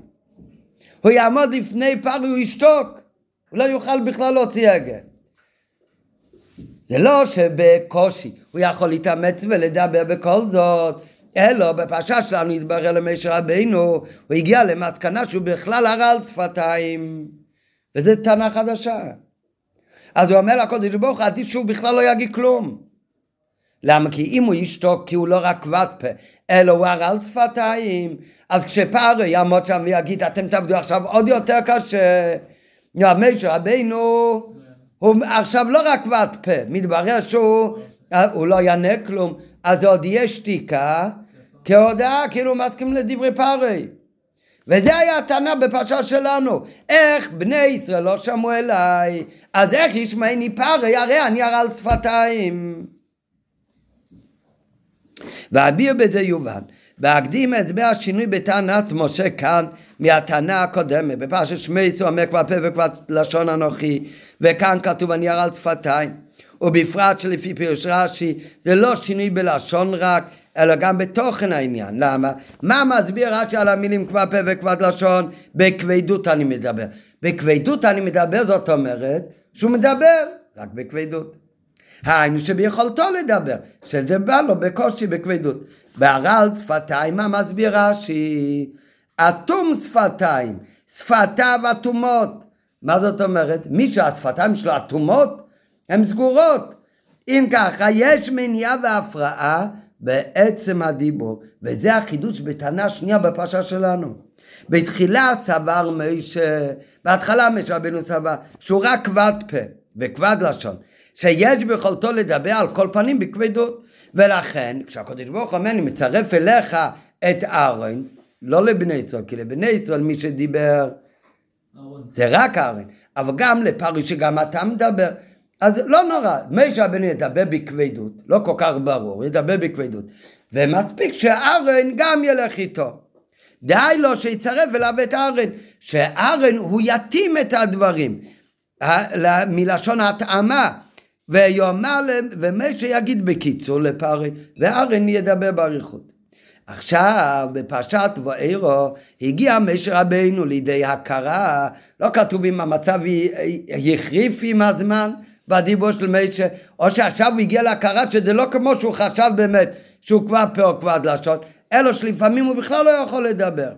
אז עכשיו באמת הגיע משה רבינו לידי הכרה שהוא לא רק כבר פה אלא הרע על שפתיים, אז אם ככה מה שווה ששולחים איתי את הארון? כן, הרי שרק הארון ידבר. ולפרי מי היה אמור לדבר? שתיהם הרי, זה כבר היה בסוף פרשת שמו ככה. אז בפרשה שלנו, שמש רבינו עכשיו הגיע להכרה שהוא לא כבר פלא הרע על שפתיים. זאת אומרת שלא רק שהדיבור לא עולה בקלות, אלא הדיבור בכלל לא אפשרי בשבילו. כאילו היה אטום ממש. אם ככה, אין מקום בכלל לשליחות שלו לפרי. מה הוא יעשה לפני פרי ושהוא ישתוק? ואדרבה, יבוא לפרי וישתוק בהיותו שם, לא זו בלבד. שהדבר לא יביא כל תועלת, אלא זה עוד עלול לגרום לקלקול. פרי עלול לפרש את שתיקתו של משה רבינו כהסכמה על הדרישה של תכבת העבדה וכיוצא בזה. ולכן הרי היה הרבה יותר סביר שלפרי מי ילך? רק ארן הכהן, בלי משה. ועל זה עונה לו הקדוש ברוך הוא, אתה תדבר. תדע לך, אתה לא תשתוק שמה. זה לא אתה תשתוק כהערה על שפתיים ורק ארן ידבר. אתה תלך עוד הפעם, ואתה אולי כבד פה, אולי הערה על שפתיים, אבל אתה תדבר. אם ככה, מה זה אתה תדבר עכשיו בפסוק? זה ציווי או ברכה? ציווי וגם ברכה. הקדוש ברוך הוא אומר לו, מתנה שלך, תראה אז ואתה לא יכול לדבר בשביל מה אתה הולך. אומר הקדוש ברוך אתה תראה, אתה תדבר. אתה צריך לדבר ולכן אתה תדבר. איך אתה תדבר? בשליחותו של הקודש ברוך זה לא הכוחות שלך. לכן הוא אומר רש"י לא על כל דיבו ודיבו, על כל ציווי וציווי, אלא על כל שליחות ושליחות. אתה מצד עצמך אולי על שפתיים. כשזה לא אתה, אלא זה שליחות של הקודש ברוך הוא. בשליחות של הקודש ברוך הוא גם על שפתיים מדבר. עונה לו הקודש ברוך הוא, אתה תדבר. זה לא רק לשון ציווי, אלא ביחד עם זה, זה גם הבטחה. אתה תדבר לשון עתיד, היינו, שעל אף שהוא הרל שפתיים, הקודש ברוך הוא ייתן לו בכל זאת יכולת לדבר. ולכן מדייק רש"י על כל שליחוס ושליחוס, להדגיש שדיבורו של מישה אכן לא היה מכוח עצמי, אלא זה היה בזכות הליכתו, בשליחותו של הקודש ברוך הוא. שהקודש ברוך נותן לו את הכוח לדבר. והדברים באים בהמשך למה שרש"י אמר בסמוך. רש"י הקודם אומר רש"י, אני השם, כדאי אני לשלחך ולקיים דברי, דברי שליחותי. היינו, שדי בזה שאני הוא המשלח, שגם אם אתה רל שפתיים, אבל מי שולח אותך? הקדוש ברוך הוא. מספיק בזה שאני הוא המשלח, כדי שאתה תוכל לקיים את דברי שליחותי. ועל דרך זה בנגע לעצם יצירת דיבור דברי שליחות. על פי זה מובנת גם כל אריכות הלשון של רש"י. דרך אגב, בפרט הזה, שהמצב ישתנה מכבד פה לרל שפתיים, שבכלל לא יכול לדבר, אז בזה דבר ראשון נראה כל השאלה, שזה בכלל לא אותו דו-שיח במשך הקודש ברוך הוא שהיה, שהיה בפרשת שמייס. כי שם באמת יכל לדבר, ורק לא רצה לדבר לבד, אומר הקודש ברוך הוא, תדבר ביחד עם ארן, לפרי, לבני ישראל תמיד רק ארן דיבר. לעומת זאת בפרשה שלנו, אומר משה בן אני הרי כבר בכלל לא מדבר, אני על שפתיים עכשיו, אבל בשביל מה שאני אלך בכלל, אז עדיף שרק הארן ילך. אומר לה הקדוש ברוך הוא, שאתה הולך בשליחותי ואתה תדבר, אתה תראה שתוכל לדבר. למה? באמת כי זה הולך בשליחותי. אבל אם זה רק מצד זה שזה בשליחותו של הקדוש ברוך הוא, אז איפה זה שליחותו של הקדוש ברוך הוא? במילה מילה מה שאומר קדוש ברוך זה לא דיבור של מישה. אם זה דיבור של מישה, הוא מסביר, הוא מתאים, הוא ממליץ לפני פרי, זה כבר, זה, זה כבר שהוא מסביר, זה כבר קשור למציאות שלו. מישה מצידו היה על שפתיים. אתה תלך בשליחותי, כדאי אני שאתה תלך בשליחותי ואתו תדבר. מלשון ציווי, מלשון הבטחה. איך אתה תדבר? פעם אחת. למה פעם אחת? כמה פעמים הקודש ברוך הוא אומר למשה? פעם אחת. זה צריך להיות בדיוק כמו הדיבור של הקודש ברוך הוא. דיבור השם עובר דרך משה רבינו. ולכן זה דבר אחד. ואיך זה דבר אחד? כמו ששמעת מפי. וזה השליחות, השליחות זה בדיוק כמו שזה נמצא מי היית משלח. ולכן מובן גם כן באות ו' אריכו בלשון רש"י פעם אחת כל שליחות ושליחות כפי ששמעת מפי הכוונה בהליכת מישל לדבר לפרי לא הייתה לשכנע את פרי על ידי הסברים וטעמים. תפקיד של מישל רבינו לא היה ללכת לשכנע את פרי. כן, הוא לא יכול לשכנע את פרי, הוא הרל שפתיים. כן. הקול שלו, הקול שלו עצמו, בגלל שזה היה... זה- אלא מה היה התפקיד של מישר רבינו? לשכנע את פרי של מי היה התפקיד? של אהרן. הוא ימליץ ויתאים לפני פרי. התפקיד של מישר רבינו, מה היה? למסור שליחות של השם. יתקבל אצלו, לא יתקבל אצלו, יבין, לא יבין, לא מלא ולא מוריד. מישר רבינו, מה היה כל עניינו? למסור שליחותו של הקדוש ברוך הוא. מישר היה שליח השם שדיבר עם פרי במקום ובכוח המשלח הקדוש ברוך הוא. הקדוש ברוך הוא לא התגלה לפרי, רק לבילום. אז מי, אבל הקדוש ברוך רצה לדבר לפרי. איך הקדוש ברוך דיבר לפרי? על ידי משה רבנו. זה היה דבר השם. זה משכנע את פרי, פרי מבין לא מלא ולא מוריד. זה שליחות, זה מסירות השליחות, מעיד הקדוש ברוך הוא לפרי. אך יש עוד עניין, מה המטרה באמת? ש- ישלח את בני ישראל, או שהקדוש ברוך יקשד ליבו ולא ישלח, אבל מצד הדרך, איך שדבר כאן, זה לשכנע אותו שישלח. לא, אז זה כבר היה תפקיד של הארן. כמובן גם כן את דבר השם, אבל זה כבר איך שהדבר השם משתנה ומותאם לפי השכל של פרעה. שייכנס באוזני פרעה. משה רבנו זה לא היה כדי להתאים את דבר השם לפרעה, זה להביא את דבר השם איכשהו לפרעה. זה כאילו הקדוש ברוך הוא מדבר לפרעה, רק הקדוש ברוך הוא לא מתגלה לפרעה הרשע, אז לכן איך הקדוש ברוך הוא מדבר לפרעה? זה על ידי משה רבנו, על ידי הפה של משה רבנו. ולכן ממילא היה צריך למסור את לשונו המדויק של המשלח, כי העניין כאן זה לא לשכנע את פרעה, העניין כאן זה למסור דבר השם איכשהו.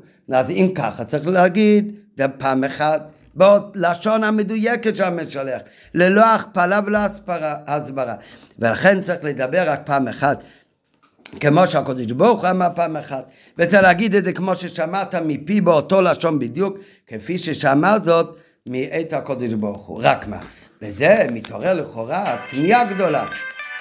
מתעורר בזה לכאורה תמיהה, שהלא דיבר הקדוש ברוך הוא למשה בלשון הקודש. הרי דיבור השם אל משה זה כמו שכתוב בפסוק, מילה במילה, בלשון התרא, בלשון הקדש. ובמילא מה יוצא? שאם הפירוש ואתו תדבר, הכוונה ואתו תדבר בדיוק אותו פעמים ואותו אופן כמו שאמרנו הקדוש ברוך הוא. מהקדוש ברוך הוא, אז מה יוצא באיזה שפה דיבר לפרי? ממילא יוצא שגם דיבורו של מש לפרי, לפי מה שאמרנו עד עכשיו, היה בלושן קדש, כפי ששמעת מפי.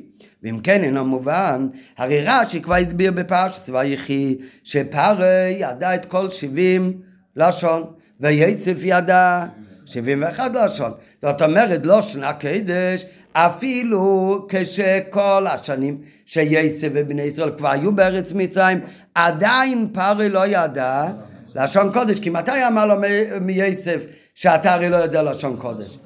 כשאתה הלך לקבור, יעקב אבינו במערת המכפלה, הוא אומר יש שבועה, פרי לא רוצה שילך, יגיד אם לא צריך לשמור שבועה יש כאן עוד שבועה, סימן שגם אז, גם אחרי כל השנים שיצא ובני ישראל היו, עדיין פרי לא ידע לשון קודש. נו, אז אם ככה, כבר למדנו, הרי בבכי שפרי לא היה מכיר בלשון קודש, אז איך היה ביכולתו להבין בכלל את דברי משה בלשון קודש? אם זה לא אותו פרי, אז בטח שהוא לא ידע לשון קודש. אם זה היה פרי עם אה, יוסף, זה מ- אה, אותו מלך, ורק נסחט שהוא גזיר סוף.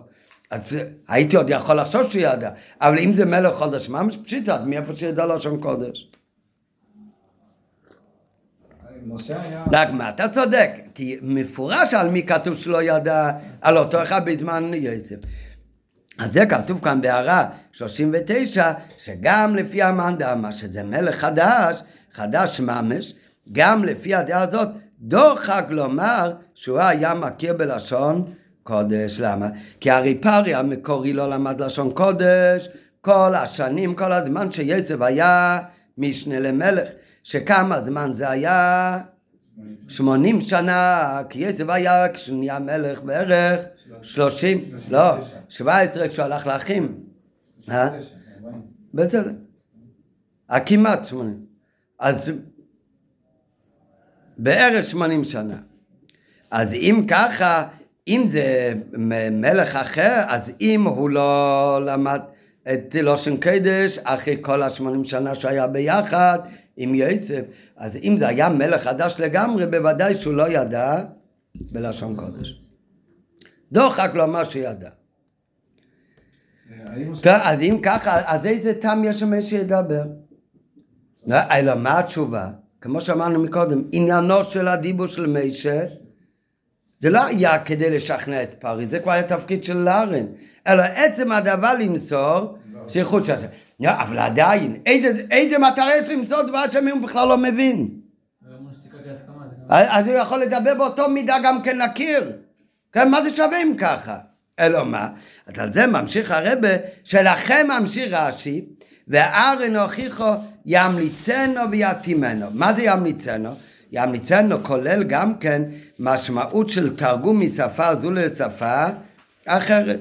כמו שכבר פירש רש"י לעיל בפרשת מקץ על הפסוק ימליץ בנותם, כמו שאמרנו מקודם, כשמדברים עם המליץ ביניהם, שיודע לדבר לשון עברי ולשון מצרי והמליץ ביניהם. זאת אומרת שלארן הוטל באמת תפקיד כפול. משה רבנו אם הוא היה מדבר לא באותו לשון, אז באמת לא היינו צריכים כל כך שארן ישמש כשתי תפקידים. היה מספיק שיהיה יתימנו לבני פרי. אבל מכיוון שבאמת משה בן ארי דיבר בלשון קודש, ולכן אכן פרי לא הבין מילה ממה שהוא אומר לו, אז מה זה שווה? ולכן מיד ממשיך רש"י שהארן הוכיחו, יהיה לו תפקיד כפול. דבר ראשון ימליצנו, הוא באמת יצטרך לתרגם מה שאתה אומר, ואחר כך גם יתימנו שייכנס באוזנו.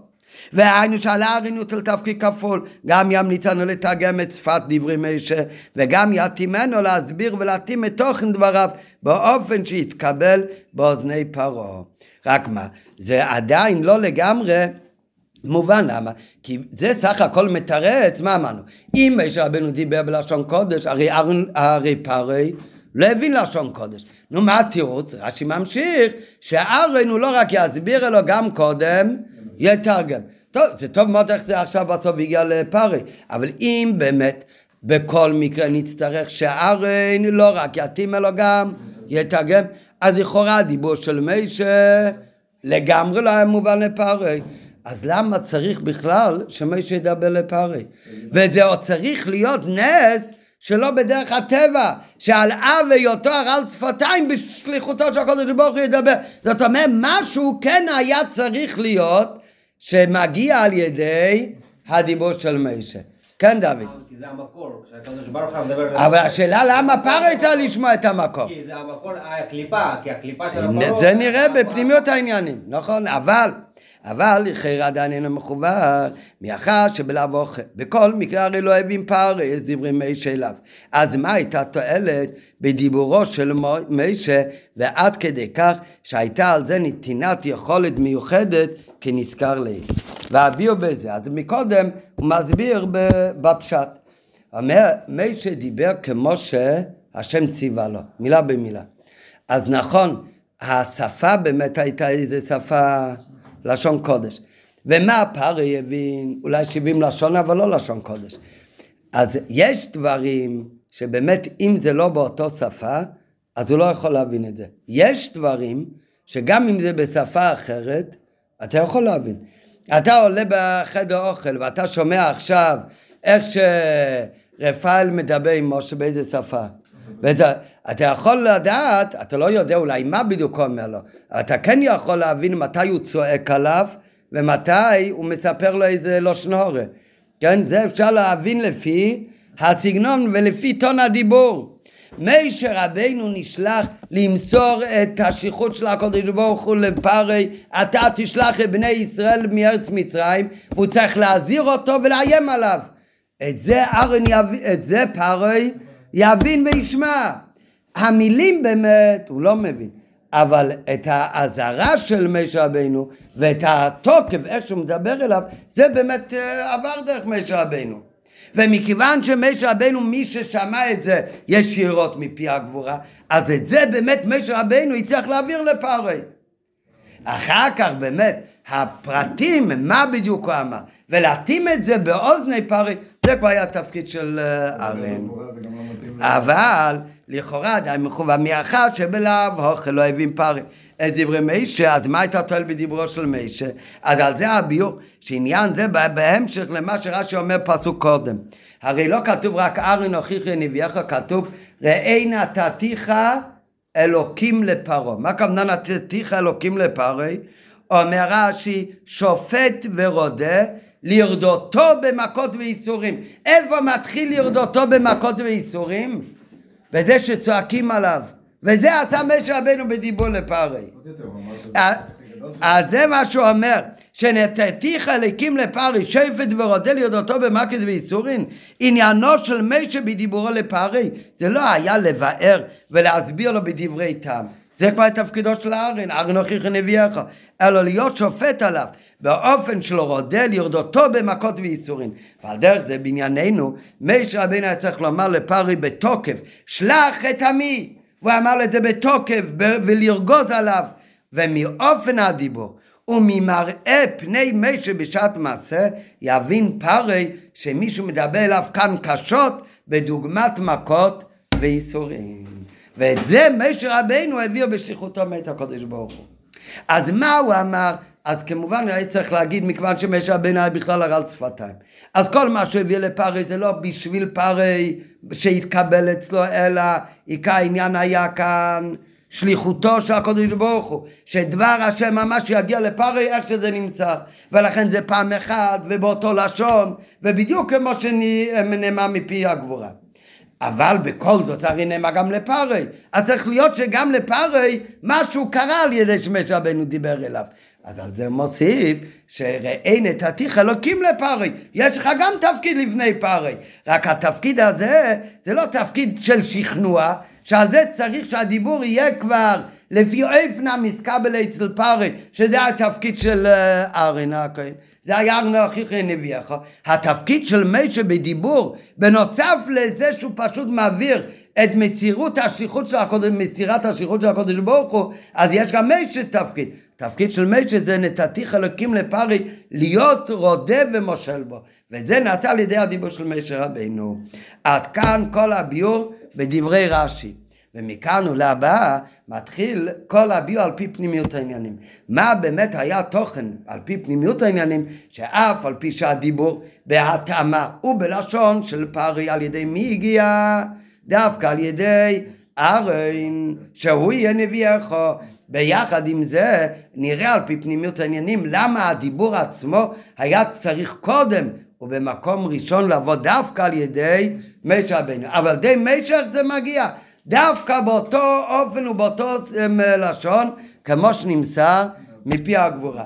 ועל ידי, הבי, על, אמ, על ידי הביור בפנימות העניינים, אז גם ייתן לנו תוספת ביור איך באמת יכול להיות דבר פלא כזה שבנוגע לפרי גם שארן היה צריך לדבר כי משה רבינו היה כבד פה ועוד יותר על שפתיים בכל זאת את מי שמע פרי? לא רק את ארן אלא גם את משה.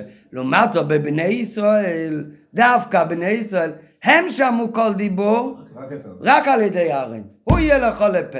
ודווקא אצל בני ישראל לא היה דיבור של משה היה צריך להיות הפוך.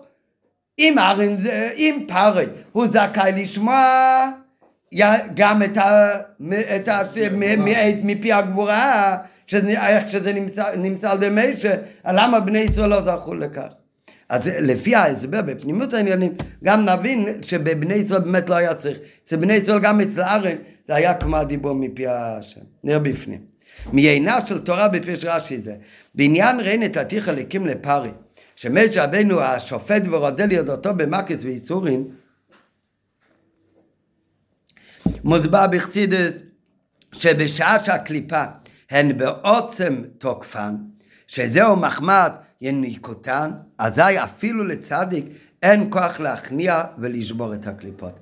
יש זמן שהקליפות, יש להם את החיות שלהם, על ידי גילוי אור האלוקי ואור הקדושה, אפשר לשבור את הקליפה, על ידי הגברת הקדושה על הלאום הזה. יש אבל זמן שהקליפות מתחזקים מעבר לרגיל, על ידי שיש להם תוספת יניקה. באותו רגע, אז גם צדיק לא יכול לשבור את הקליפה, צריך לברוח, לפחד מהקליפה. זה מתאים עם הגמרא, שהגמרא אומרת שאתה רואה שעה שהרשע, אתה רואה רשע שהשעה משחקת לו, אל תתחיל איתו. כך אומרת הגמרא. מי זה יודע? מי חולק על זה? לא, אני לא זוכר את רבי שמעון בר יוחאי, רבי שמעון אומר רק מי שמפחד מהרשעים מדבר ככה. גם בשעה שמשחקת לו, צדיק יכול לגבור על הרשע. מחלוקת בגמרא, נראה. אבל בפשטות, ראית רשע שהשעה משחקת לו, אל תתגרה בו. עכשיו זה לא הזמן, למה? אתה בצד הקדוש, עכשיו יש אבל הסגברוס הקליפה, אתה לא תצליח לשבור אותה. צריך לברוח. מי כן יכול לשבור את הקליפה גם בזמן שהיא מתגברת ותוספת חיות של הקליפה? הדבר הזה זה רק ביכולתו יתברך שהוא כל יכול. לקיים אפילו ברשע שבבחינת כל גאה גם באותו רשע על ידי כוחו, הקדוש ברוך הוא, הוא ביכולתו להשפילהו, הכניעהו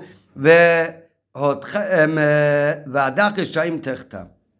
וזהו וזה מה שאומר הפסוק, הקדוש ברוך הוא אומר למשה רבינו, ראה לשון חידוש ופליאה, אתה תראה עכשיו דבר חידוש, מה אתה תראה?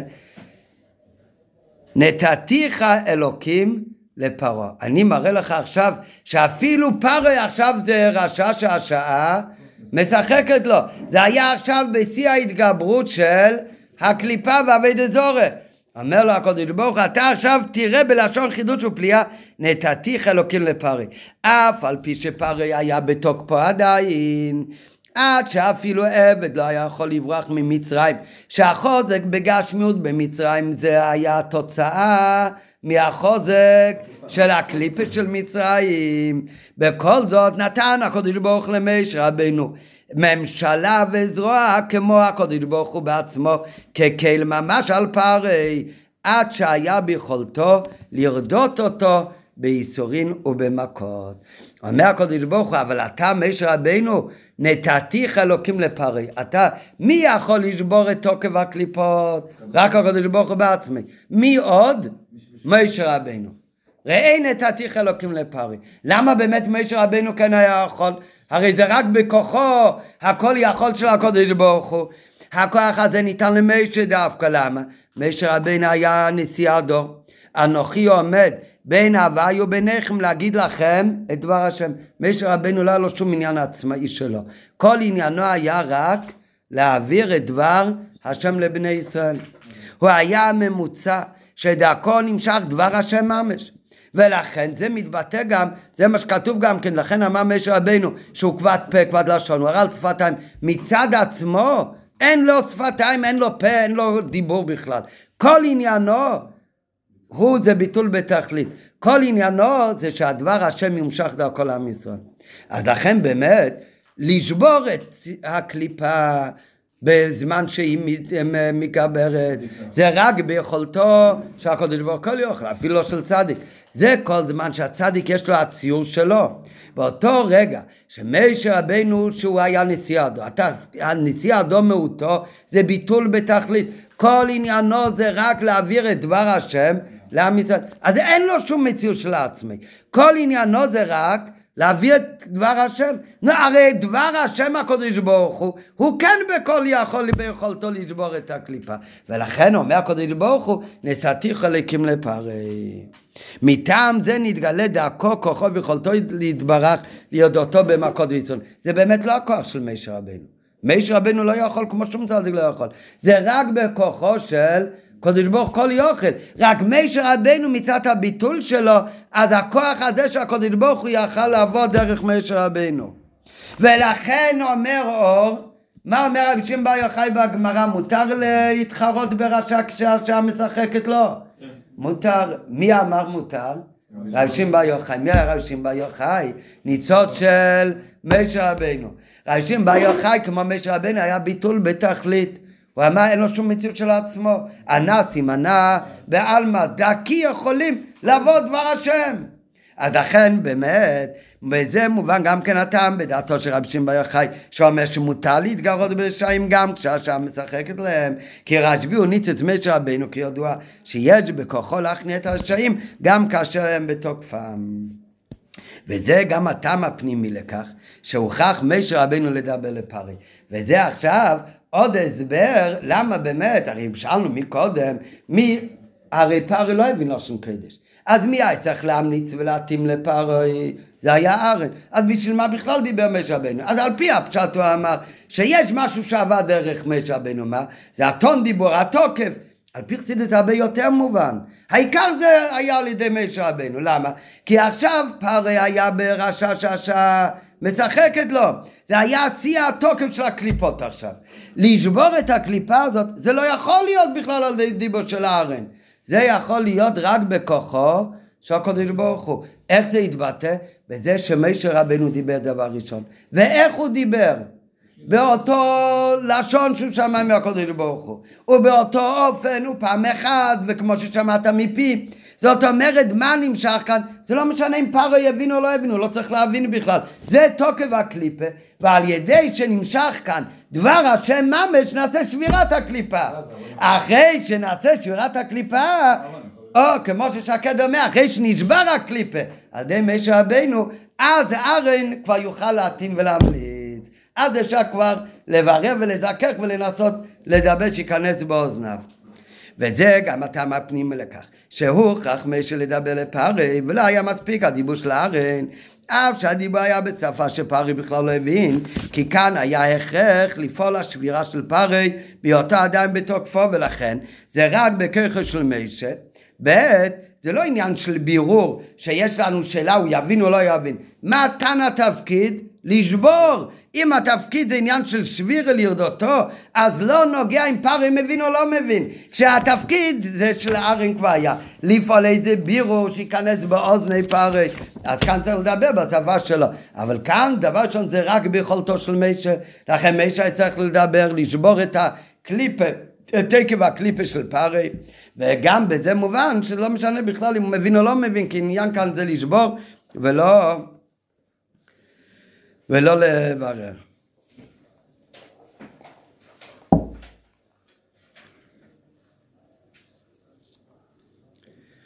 על פי הנעל מובן גם את הפרטים בדברי רש"י שמשה צריך למסור את דברי הקודש ברוך הוא כפי ששמעת מפי דווקא כוח זה לשבור את הקליפס בהיותם אדם בתוקפן זה משה רבנו יכול לעשות רק מצד היותו שליח השם, שעל ידו מתגלה כוחו יתברך.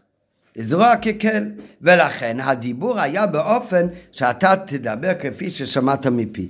על דרך שכינה מדברת מתוך גרונו של מישה, ובזה גם מובן הטעם שאופן וצד הדיבור שלה אתה תדבר פעם אחת כל שליחות ושליחות כפי ששמעת מפי התחיל רק אחרי שמישה רבנו אמר אני הרל שפת הלמה כשמשה רבנו אומר נקבע פה וכבד לשון. יש עדיין איזושהי מציאות זה רק זה הוא מדבר בכבדות. כשהוא אומר אני הרל שפתיים כאן הגיע משה רבנו לתכלית הביטול כבר לא היה לו שום מציאות. עכשיו זה תכלס הביטול, זה כבר לא שום מציאות. אז עכשיו אומר הקודש ברוך הוא, אתה תדבר. עכשיו יכול לבוא דרכו הדיבור ששובה את הקליפה. מבואר בחסידס, שמה שמשה היה כבר פה וכבד לושן זה בהגיע מצד הביטול אלוקות. מצד גודל הביטול לא היה ביכולתו להשפיע על דרך עיידה דתורית למיב לעלי פוליט. כתוב בהלכות איסור והיתר, שכשדבר הוא בולע, באותו רגע הוא לא פולט. גם הפוך, כשהוא פולט הוא לא בולע. בהלכה, במליחה כתוב הפוך הרי, כשמולכים אז יוצא האדם. אבל באותו מידה הוא הרי גם יכול להיכנס עד ששוטפים אותו. כתוב בהלכה, כשהוא פולט הוא לא בולע, אותו דבר הפוך. כשהוא עסוק בלבלוע הוא לא הוא לא פולט.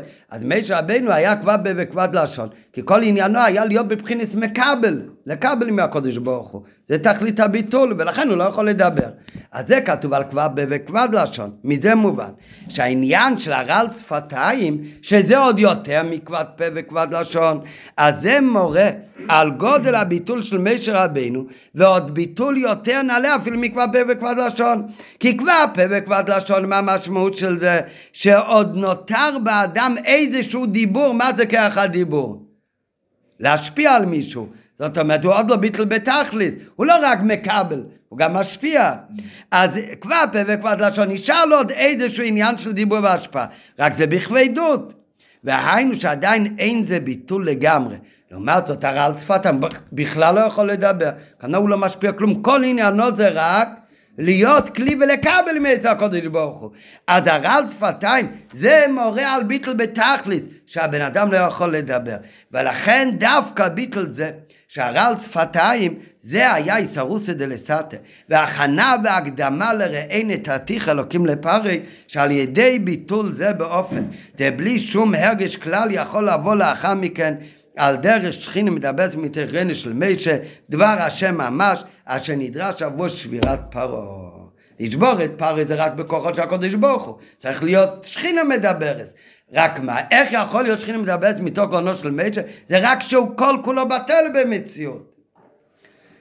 ולכן דווקא אחרי הטענה בפרשה שלנו, שאומר משה רבינו, אני ארד שפתיים, אז אומר הקדוש ברוך הוא, אתה תדבר פעם אחת כמו שאני אומר לך, ואז זה בכוחות של הקדוש ברוך הוא, וזה שובר את הקליפה של, של פרי. דרך אגב, זה הרבה פעמים כתוב גם על רשב"י, שרשב"י אומר מה פני אדון רשב"י, מי שרוצה לדעת הקדוש ברוך הוא, שיסתכל, ככה אמר רשב"י בעצמו, איך זה יכול להיות? כן, אז זה, זה הפירוש. זה, מה, רשב"י, הוא יכל לעשות דברים שצדיקים אחרים, בדיוק הפוך. הוא הגיע לכזה דאגה של ביטול, זה לא הוא. כן, הקדוש ברוך יש רק אחד. מי שיכול לשבור את קליפת מצרים, זה רק הקדוש ברוך הוא. כשפרי הוא בתוקפו. כן, זה לא, חס וחלילה, יש הרי הרבה שטועים בזה, יש שחושבים שיש שיחה בהוספות בחלק ב', שצדיק, האלוקות מלובש בו, מה, מה הכוונה בדברים האלה? זה, זה לא הכוונה חס וחלילה, יש, יש מכתב מאדמו הזקן, טוב, אבל זה לא נוגע עכשיו לשיחה, נדבר על זה בשאלות ותשובות בשש וחצי אולי. שכבר בזמן האדמו הזקן אמרו שחסידים חושבים על הרב שם שהוא אלוקי, חס וחלילה זה דברים שאסור לדבר ככה, זה הרי, זה לא, אני לא רוצה להגיד שזה עבודה זרה, כי יש כאלה שמדברים ככה פשוט מטמטום ו... וטעות, הם לא חוטאים, הם מטומטמים. אבל מה הפירוש בכל הדברים האלה? כן? לומדים בחסידות, הכל זה לא קוד, רק מה. יש דבר אחד שהוא לא אלוקות, מה? הישת שלך, כל דבר שהוא לא בוטל אלוקות. אז כל צדיק הוא מתבטל לקודש ברוך הוא, יכול להגיע לביטול יותר גדול, כבד פה וכבד לשון. יש צדיקים הכי גדולים שהם כבר כל כך התבטלו, כמו שלמדנו עכשיו, ואני הרע על שפתיים. לא, לרשב"י כבר לא היה שום מציאות של עצמו, לא הגיש כלום של עצמו. הוא אומר, כל מהות שלו הפך להיות שדרכו הקדוש ברוך הוא יכול להתגלות בעולם. זה, זה הפירוש. שהקדושה של הקדוש ברוך הוא, רצון העליון יוכל להעיר דרכו. נו, אז מה זה? אז יש רק הקדוש ברוך הוא, אחר יש צדיקים, ויש עוד צדיק חס וחלילה שהוא גם הקדוש ברוך הוא, מה זה שטויות? יש צדיק, ברגע שהוא בטל בתכלית, אז שם נרגש רק האלוקות. כן? זה, זה מה שהיה, ולכן משה רבנו אומר לקדוש ברוך הוא, אתה תדבר אל פרי. איי פרי לא יבין, איי אצל פרי זה לא יפעל שום, הוא הרי לא מבין. אבל מכיוון שפרי זה היה תכלית קליפה בתוקפו באותו זמן, ולשבור את הקליפה זה נעשה רק על ידי קודש ברוך הוא בעצמו, ולכן באמת לא יכל להיות על ידי דיבו של ארן, שהיה צדיק והיה נביא והכל, כי זה לא יכול לשבור את הקליפה של פרי באותו רגע, זה יכול להיות רק על ידי דבר השם ממש. איפה יכול להתגלות דבר השם ממש? בגשמיאס. כדי שזה, הרי פרי הוא יכול לשמוע דבר השם ממש רק שישמע בגשמיאס מבן אדם. לא, אבל איפה יכול להתגלות דבר השם? הדבר השם יכול להתגלות רק איפה שאין מציאות. אה? כן? איפה שאין לו שום מציאות של עצמו. ואני הרל שפתיים, הוא לא יכול בכלל לדבר. אז הקדוש ברוך הוא דיבר על ידו. אז שמה יכול להתגלות כוחו של הקדוש ברוך הוא ששובה את קליפת מצרים. טוב, עוד דיון. טוב, לא הייתי צריך להגיד את זה, לא קשור כל כך אה, לכאן, אבל דרך אגב. ל- אה? היה צריך מאוד להגיד את זה. טוב, בסדר. לכאורה עדיין אפשר לשאול. איך ייתכן שדווקא פרי שמע את שליחות השם, גם ממשה עצמו, ואילו בני ישראל שמעו רק מארן, וד, ודיבר הוא לך אל, אל העם. כן, מה שאמרנו כבר מקודם, הרי אצל מי אומרים שתיהם דיברו ארן פעם אחת, משה פעם אחת, וארן אה, המליץ והתאים. רק אצל, אצל בני ישראל באמת, הוא יהיה לך לפה דיבר, רק זה הרי יוצא בסוף דבר והיפוכו, דווקא פרי, בזכות כאילו שהיה שיא הקליפה, אז הוא זכה ל- לשמוע דבר השם ממש. כי מה שמשה רבנו דיבר, מה זה היה? שכינה מדברת מתרגרנו, הוא זכה לשמוע דבר השם ממש. לעומת זאת, כל בני ישראל, הם זכו לשמוע רק את ה... מה ההסבר בזה? הן אמת, בפשטות לפי מה שאמרת עכשיו. לבני ישראל לא היו צריכים לזה, כי למה היו צריכים דווקא את הדבר השם ממש? לשבור את תקף הקליפה. נו, תקף הקליפה זה פרי ולא בני ישראל. אז נכון, אז זה בפשטות. אצל פרי היה צורך בזה, לבני ישראל לא היה צורך. נו, בגלל שלא היה צורך, אז היה להם פחות. אז הן אמת שבני ישראל לא נזקקו לזה, כי הדברים יפעלו פעולה, כדי שהדברים יפעלו פעולתם. מה שאין כן שביר אספרי, שזה קליפה בתוקפו, זה מוכרח להיות רק על דרך שמייצר. על דרך, שזה גם בפשטות העניין. בני ישראל הם הרי מאמינים, בני מאמינים, ולכן בשבילם מספיק שימסר להם על ידי הארן, שהוא שליח של משה. מה ששמע משה מפי הגבורה, וגם כשבני ישראל לא שומעים ישירות ממשה, אלא על ידי כלי שני מהארן, עדיין ויאמן האומן הם יאמינו בהשם. לעומת זאת אצל פרי, זה לא היה מספיק אם הוא היה שומע רק מארן, הוא בכלל לא היה מאמין, ולכן היה צריך להיות שמשה עצמו יוכרח לדבר. אבל אף על פי כן, זה בפשטות, אבל זה לא לגמרי מספיק, למה? וכי למה יחסר אצל בני ישראל עניין נעלה זו של דיבורו של משה? ומה הכוונה חסר אצלם עניין נעלה של דיבורו של משה? כמו שלמדנו מקודם, זה הרי לא שחסר להם הדיבור של משה, כי מה היה בדיבור של משה? זה היה דבר השם ממש. אז איך, איך זה שאצלם היה חסר? והביאו בזה. יש הבדל כשארן מוסר את הדברים של משה לפרי, בין איך שארן מוסר את הדברים של משה לבני ישראל. כשארן מוסר את דברי משה לבני ישראל, אז אצל ארן זה בדרך מעבר. ובני ישראל מקבלים דיבור של משה ללא שינוי וירידה במעלתו מצד הממוצע. בדיוק כמו שכתוב משה קיבל תרם מצינה מצור לישוע וישוע לזקנים וכולי שאף על פי שהדברים עברו על ידי כמה וכמה ממוצעים אף על פי כן כתוב שהכל הוא תרם מסיני כמו עם החז"ל כל מה שהתלמיד ווצק הוציא לחדש הכל ניתן למשה מסיני. מה הפירוש? בחסידות כתוב שיש שתי דברים, דרכים איך יכול, שכל יכול לעבור. או בדרך התלבשות או בדרך מעבר בדרך התלבשות זה למשל איך שרב מוסר שכל עמוק לתלמיד קטן. לא, אז כדי להוריד לשם את השכל, הוא צריך להלביש את זה במשלם, זה נקרא, זה עובר דרך, דרך התלבשות. יש השכל עובר דרך מעבר. דרך מעבר, זה יכול להיות הרבה יותר נמוך לפעמים, אבל מה הכוונה דרך מעבר?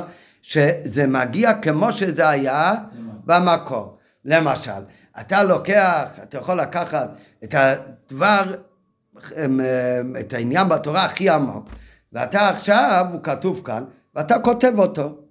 אתה כותב, עם מה אתה כותב? עם האצבעות שלך ועם העט. כן, מה יהיה כאן בתוך הכתב? דבר השכל, דבר השכל. השכל הזה, איזה שכל יהיה כאן? הוא יהיה אותו שכל כמו שהוא היה, מה היה באצבעות? באצבעות זה רק צינור שדרכו עבר השכל, הוא לא משנה את השכל, הוא לא מקטין אותו. כן? מצד שני הוא, הוא בתוך האצבע לא נרגש באמת, לכן הוא גם לא משתנה, אבל לא משנה. אני לא מדבר עכשיו את המשל לכל העניינים, רק לעניין הזה, שיכול להיות שעובר השכל דרך משהו, אבל השכל נשאר אותו שכל. יכול להיות שהשכל עובר, איפה שהוא עובר הוא משתנה. כשארן עמד לפני פרוי ומסר את דברי מישה, מכיוון שפרוי זה תכלס הקליפה, אז לכן כשפרוי העביר את זה, ל... ל... כשארן העביר את זה לפרוי, אז זה הפך להיות שונה כבר ממה שזה היה שהוא קיבל ממישה. לעומת זאת, כשארן דיבר לבני ישראל, הרי ממי ארן שמע? ממישה, אצל מישה מה זה היה? שכינה מדבר בתקוני. כשהארן מעביר לבני ישראל משהו שמע ממישה, אז זה לא דרך אסלאפשוס, זה לא דרך מעבר. וזה מגיע לבני ישראל בדיוק כמו שיצא מת מישה רבינו.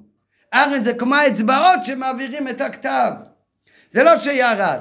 ולכן באמת בני ישראל גם שמעו את דבר השם שכינה מדברת מתרקוני. מאיפה? ממשה, מאיפה? מארן. אי זה לא יכול להיות אצל ארן, הרי כל מה שדיברנו מקודם זה יכול להיות רק אצל משה, זה נכון, זה רק אצל משה. אבל משה רבינו, הוא יכול לעבור גם דרך אצבעות, בדרך מייבר. לא בדרך זה איסלאפ לא. המקור עצמו, זה לא אבל המקור. משה- אבל משה לא יורד לדרגה. הוא היה כבד... כבד פה. מי? עם בני ישראל, משה היה כבד פה. אתה יודע שם. לא, אחר כך הוא כבר היה גם על שפתיים, כשהוא היה על שפתיים בבארו, זה כבר היה גם לבני ישראל. הרי גם, גם עכשיו הוא המשיך לדבר גם לבני ישראל. מה אתה מדבר על בשמוי? לא, בסדר, בפעם.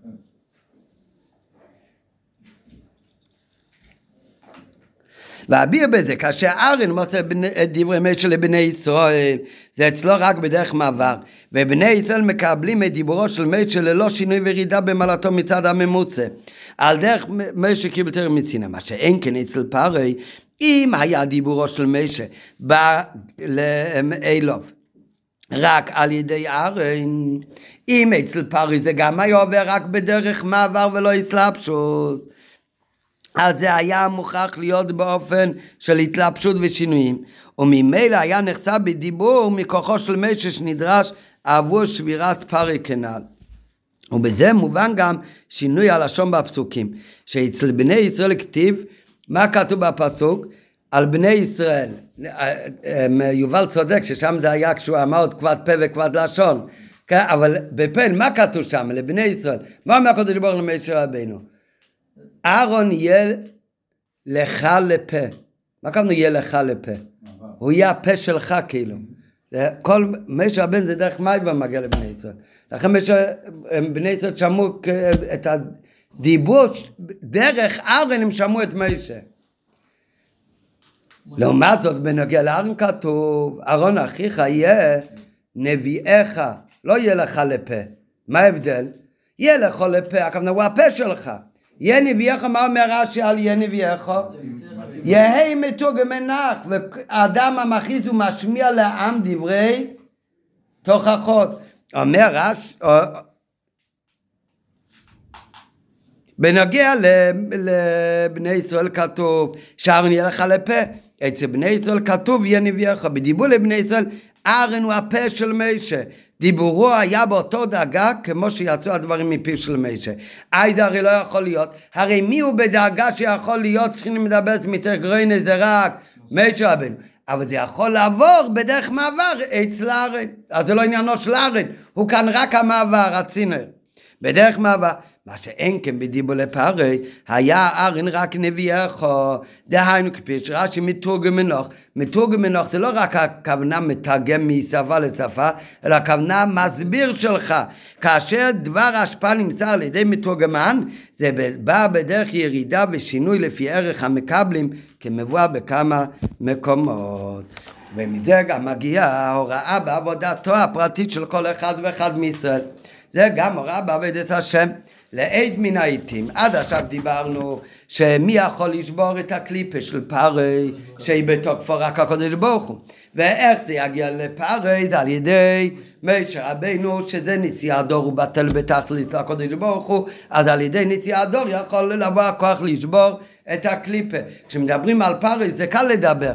כל אחד יש לו גם בעצמו את היצור לפעמים היצר הרע הוא תמיד רשע, לפעמים הוא רשע שהשעה משחקת לו, שעכשיו היצר הוא בכל התוקף, ואז לא מספיק להיכנס למשא ומתן, להסביר לנפש הבאמיס במח שולית על הלב, שהוא לא בסדר, כמו שלמדנו בתניא עכשיו, שהבינוני כוחו על ידי מח שולית על הלב. זה הכל, כשהכל כרגיל.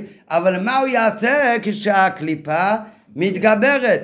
אז מה צריך לעשות? צריך לשבור אותה. אז לשבור אותה כמו את קליפת פארי היו צריכים לשבור, אמירה של משה רבנו זה היה שבירה ולא בירור. צריך לשבור אותו, איך שוברים אותו? מאל תראה בביתניה. צריך להרגיז יצר טוב על יצר הרע ולצעוק עליו.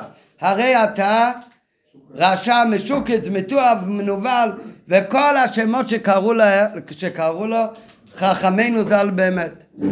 כן, זה צריך לשבור אותו. אה, לא מספיק איסקאפי, צריך לשבור אותו לגמרי. על ידי איך? אז על זה מגיע לעת מן העיתים, נראה בפנים באות י"א. היום. אה? היום יום. טוב. לעד מן ה... כן, כן, למלשין. לעד מן העיתים ישנו מצב שבו הנפש האלוקית נמצאת בגלות בתוך נפש הבאמיס. ואף באופן שהשם משחקת לו, שהקליפה היא במצב של גסות, שמגביה עצמה על אור קדושת נפש אלוקית, שהוא לא רואה שום עצה איך להתגבר על הנפש הבאמיס. אז מה עצה? עצה לזה, נתתיך אלוקים לפערי, לרדותו במכות וייסורין. על האדם לקיים את עניין ירגיז האדם יצאתיו על יצא ירים עליה בכל רעש ורוגז להשפילה לומר לו אתה הרע וכולי וזה גופה שובר את גסות הקליפה של נפש הבעמית כמבואר בארוחה בתניא ויש לומר בדרך אפשר על כל פנים. רק איך יש לך את הכוח באמת לשבור? אמרנו מקודם מי יש לו את הכוח לשבור את הרשע בשעה שמשחקת לו? רק הקודש ברוך הוא או משה רבינו שהוא בטל לגמרי במציאות. אז יש לומר בדרך אפשר על כל פנים שהכוח הזה שכל אחד יכול לשבור את הנפש הבעמית שלו זה מגיע ממשה רבינו שהקדוש ברוך הוא אמר לו, ראה נתתיך אלוקים לפרי, שופט ורודה ליודעתו במכות וייסורים. ולכן, כוח זה יש לו בכל אחד מישראל, כי אל תראה באומר בתניא שלכל נפש ונפש מבית ישראל יש מבחינת מישר רבינו עליו השלום. ועל אחת כמה וכמה, אצל מי זה מודגש בעיקר? בכל דור יש התפש... התפשטוסא דמישה בכל דור. וזה שעניין זה קיים אצל ישראל בתור כלל ואצל נשיא הכלל, שהנשיא הוא הכלל, כמו שלמשה רבנו בזמנו. היה כוח לרדות את פרי במקץ וייסורים, אפילו כשהשעה משחקת לו, כך הוא בכל דור ודור, שלנשיא הדור. שזה התפשטות דמשה בכל דור ודור, ישנו הכוח לשבור את הלמות והסתרים המסתירים על הקדושה, גם כאשר הם בתוקפם. אז זה כל אחד שהוא מקושר למשה רבינו, אז זה נותן לו את הכוח להתגבר ולנצח את הנפש הבעמית, אפילו בזמן שהנפש הבעמית מתגבר עליו, שבדרך רגילה אי אפשר לנצח אותו. וזהו גם התירוץ לאלו שטוענים, כיוון שאנחנו נמצאים בחשך כופל מחופל לדור עדיק ותדמשיכה. ישנם עלמות והסתרים גדולים ורבים כל כך. ובן אדם אומר איך אפשר למלא את התביעה של רבותינו נשיאנו להפיץ את לימוד תורת חסידות והליכה בדרכי החסידות בכל מקום מקום, בפרט מקומות שמצבם שפל כל כך שהם בכלל מונעים ומעכבים את ההפצה של תורת החסידות. אז על זה צריך לדעת מי ביקש ומי נתן הוראה שצריך להיות יפוץ ומנצחו רבותינו נשיאנו וכוחם של משה רבינו לשבור גם כן את תוקף הקליפה. אז יש לדעת שישנו התפשטות דמשך בכל דור, גם בדור דיקווה דמשיחא ואדרבה. בדור שלנו כל העניין הזה הוא עוד יותר מודגש, למה? כי כתוב שהדור האחרון באיקוויסא דמשיחא זה גלגול מהדור של הגאולה ממצרים. מכיוון שהדור של איקוויסא דמשיחא זה בבחינה גלגול של נשמות של דר המדבר, כידוע, ודאי שאותם עניינים שהיו בדור המדבר קיימים גם עכשיו. ומה היה בדור המדבר? שעל ידי משה רבינו זה שבר גם את הקליפה הכי גסה של מצרים. אז אם ככה, גם היום אפילו שיש קליפה והתנגדות גדולה, אבל על ידי משה רבינו והספשטות שדה משה, אפשר לשבור את הקליפות. וזה נוגע גם לכל אחד ואחד, הוא צריך הרי להתגבר על הרשע שהשעה משחקת לו שבקרבו, זה הנפש הבאמיס, אז על ידי מה זה נעשה? על ידי שבן אדם מקשר את עצמו לנשיא הדור, לקבוע קדושת מרי וחומי אדמו"ר, הרבי אומר לרבי הקודם. אז ברגע שהוא מקושר לרבותינו נשיאנו, אין לו להתפעל מעלמות והסתרים, כיוון שבידו ובכוחו של הרבים ואל מישר רבנו יכול לשבור אותם ולרדותו במכות וייסורים. אין צריך לומר שיש ללכת בדרכי נועם ובדרכי שלום. השבירה של הקליפה, כמובן היום הדרך, גם כשיש התנגדות, אז איך צריך להתנהג ליהודי שעושה התנגדות? כמובן בדרכי נועם ובדרכי שלום. וזה הרצון של כבדוש וחם יאדמו כמו שביקש מאביו והרב הרש"ב שנשיאותו תהיה בחצי וברחמים.